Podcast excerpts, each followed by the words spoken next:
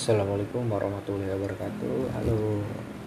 Bertemu lagi bersama gue Heru Kamarudin Di episode keempat podcast gue Jeda yang cukup lumayan lama Untuk isi podcast lagi. Karena gue selalu buat podcast ini ketika gue santai Ketika gue ada sesuatu yang ada di kepala gue dan ingin gue uh, tumpahkan biasanya kalau nggak tulisan ke podcast atau ke beberapa caption. Pada kali ini gue akan bercerita tentang sebuah analogi atau filosofi mungkin yang bisa kita ambil dari hal yang sekarang masih menjadi perbincangan jagat dunia jagat raya atau seluruh negara ya ini tentang COVID-19 atau corona. Gue mendapatkan cerita ini atau filosofi ini dari sebuah tokoh politik Bang Budiman Sujatmiko. Pada satu kesempatan beliau ditanya apa yang Bang Budiman uh, pikirkan ketika ada pertanyaan atau dimintai tanggapan tentang COVID-19 ini. Jawaban yang unik dan analogi yang cukup uh, masuk akal menurut gue. Beliau bilang COVID-19 ini seperti halnya sebuah sekolah yang mana kelasnya ini adalah dunia. Lalu di dalam kelas itu terdiri dari berbagai macam peserta yang mana peserta itu adalah negara negara di seluruh dunia eh, negara-negara tersebut mengikuti ujian sebuah ujian yang diawasi oleh satu lembaga lembaga kesehatan dunia lebih tepatnya ada uh, itu WHO. Nah lucunya adalah si pengawas ujian ini juga nggak tahu bahwa jawabannya atau uh, jawabannya atau apa ya lebih tepatnya gue cari istilah yang tepat. Jawabannya atau cara menyelesaikannya. Tapi si pengawas ujian ini memberikan kisi-kisi atau clue gitu. Dan juga memberikan kebebasan kepada setiap negara untuk memperbolehkan untuk saling bertanya lalu menggunakan teknologi apa pun untuk menyelesaikan ujian yang bernama COVID-19 ini boleh membuka buku, boleh menggunakan internet, boleh saling tanya antar negara, dan boleh saling contek dan disesuaikan dengan negara yang masing-masing. Dan saat ujian berlangsung, ujian ini berlangsung sejak bulan Desember akhir atau Januari. Saat ujian ini berlangsung, banyak beberapa peserta yang sudah berhasil menyelesaikan ujiannya. Nah, beberapa negara yang masih terus mengerjakan soalnya. E, sesekali mereka melihat dari peserta lain untuk mencontek polanya atau cara yang dilakukan oleh peserta lain untuk menyelesaikan ujian ini. Si pengawas ujian si WHO ini bilang ke semua negara ujian ini akan berlangsung lama dan jika kalian cepat menyelesaikannya lebih baik dan uh, yang pasti mendapatkan nilai yang bagus dan juga penghargaan yang diberikan adalah si peserta ini akan dijadikan contoh untuk negara-negara lain yang uh, kesulitan mengerjakannya. Jadi ketika kita negara kita atau peserta ini salah satu peserta ini berhasil mengerjakan lalu dia menjadi peserta terbaik dalam menyelesaikannya yang mana benar dan tepat dia akan dijadikan contoh untuk peserta-peserta lain eh, atau kalimatnya lihat nih negara ini eh, atau peserta ini dia mengerjakan dengan cara ini dan terbukti berhasil dan ampuh untuk menyelesaikan permasalahannya atau ujiannya. Tapi sebaliknya, ketika peserta ini gagal atau agak lambat dalam mengerjakan soal, memang satu waktu ujian ini akan berakhir dengan sendirinya. Tapi di tengah perjalanan itu di tengah uh, ujian itu akan ada begitu banyak sesuatu yang hilang sesuatu yang pergi sesuatu yang terbuang sesuatu yang mati bahkan dari atau sesuatu, sesuatu yang terdampak dari ujian ini. Baik itu ekonomi contohnya baik nyawa yang begitu banyak melayang kelahan yang begitu besar semua perubahan-perubahan yang terjadi atau semua rencana yang sudah dilakukan yang direncanakan oleh peserta ini bisa jadi menjadi berantakan gitu. Nah itu hal negatifnya. Dan waktu ujiannya ini sama sekali nggak ada yang tahu tapi si pengawas ujian hanya memberikan dua dua keterangan itu aja. Jika kalian cepat dan tepat dan juga benar kalian akan dijadikan contoh untuk peserta lain. Jika salah kalian sendiri akan merugi. Nah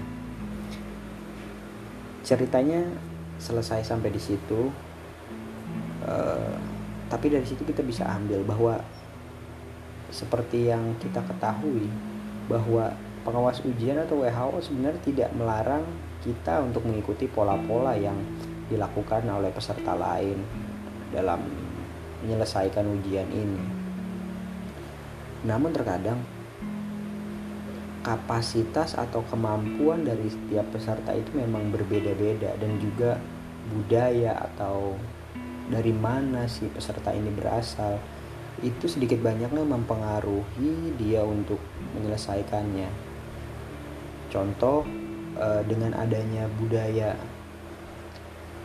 misal di negara kita itu Indonesia dengan ada budaya mudik dan juga Idul Fitri yang dirayakan secara begitu besar walaupun memang baik merayakan Idul Fitri dengan begitu riuhnya tapi di satu sisi dengan kondisi seperti ini membuat membuat ada satu hal yang ada satu hal yang harus dipikirkan gitu.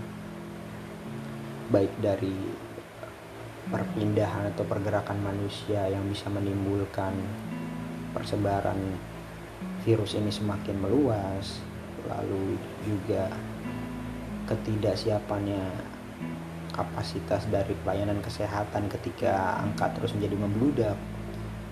Dan dari beberapa hal yang menjadi permasalahan itu saya mencoba menarik kesimpulan bahwa memang sebenarnya yang menjadi permasalahan peserta atau negara kita ini adalah yang pertama mungkin bisa jadi salah karena banyak negara yang penduduknya juga besar tapi mereka toh bisa menyelesaikannya juga secara terstruktur. Yang pertama karena 267 juta jiwa yang yang begitu banyak penduduk Indonesia membuat hal ini agak sulit eh, terkontrol gitu.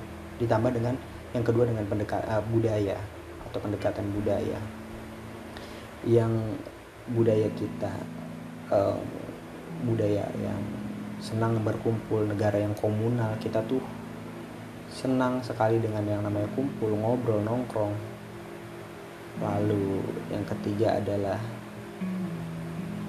mungkin demokrasi menjadi baik karena dengan demokrasi terjadi keriuhan atau keramaian dalam e, bernegara. Karena begitu banyak pola komunikasi dua arah bahkan. E, tambah dengan media. Lalu yang ketiga adalah dengan adanya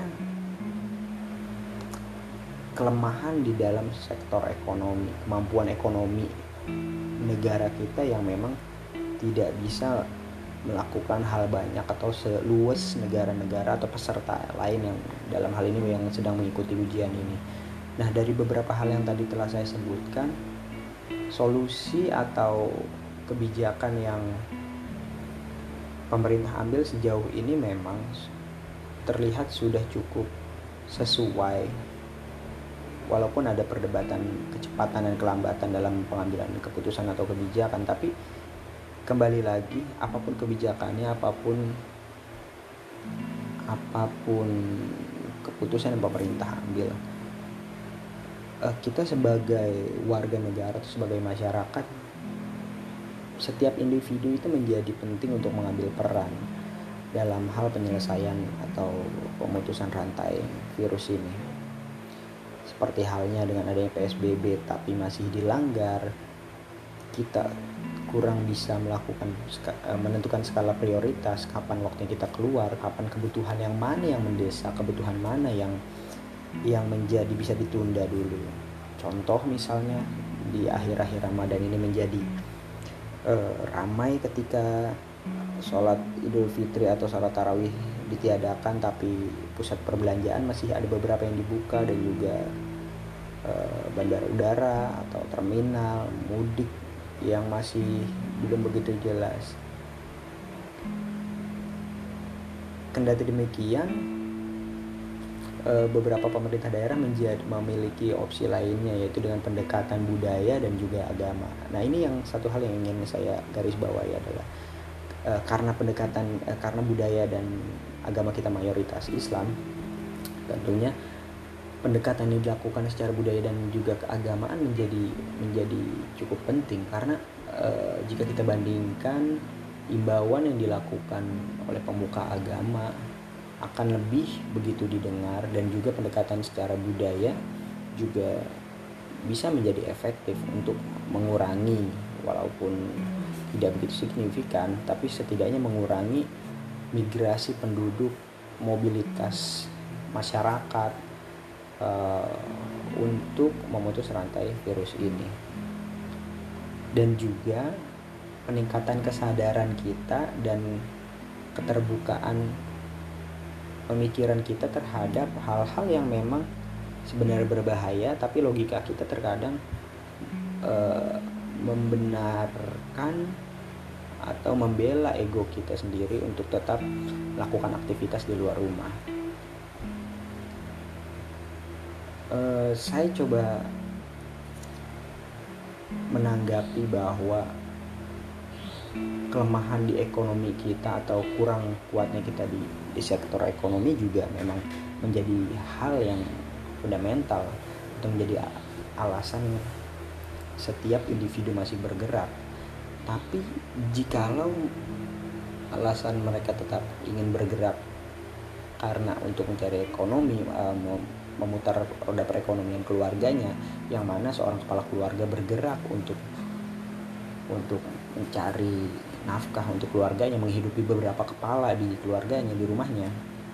Mungkin kita masih bisa toleransi dalam hal itu tapi ketika ada eh, pergerakan atau kegiatan yang dilakukan tidak bersifat eh, tidak bersifat penting seperti halnya belanja mungkin bisa masih bisa ditunda. Atau seperti halnya sebuah perayaan-perayaan atau menonton konser misalnya hiburan yang mungkin jika dalam skala prioritas ini adalah kebutuhan tersier mungkin ya.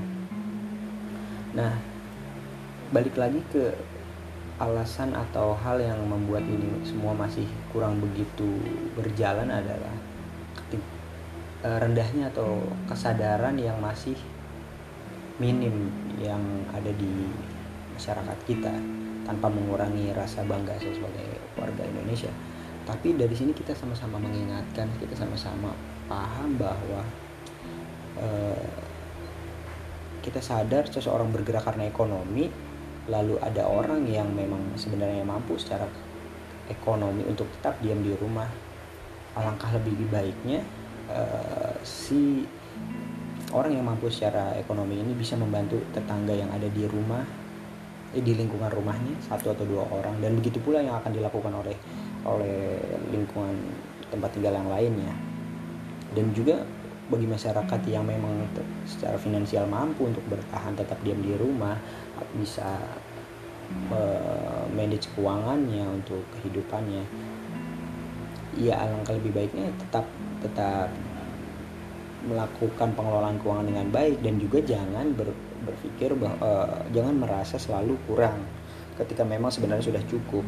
Karena ada begitu banyak ya contoh yang ketika mendapatkan bantuan sosial bansos atau social safety net ini mereka merasa kekurangan atau merasa membutuhkan tapi di sisi lain kebutuhan tersier mereka mereka bisa penuhi loh gitu. Ini menjadi sebuah dikotomi gitu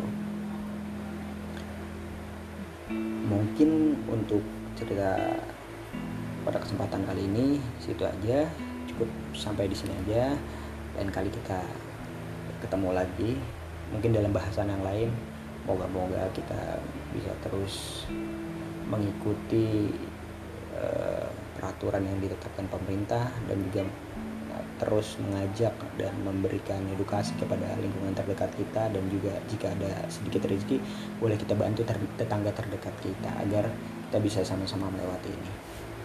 Terima kasih dan sampai jumpa.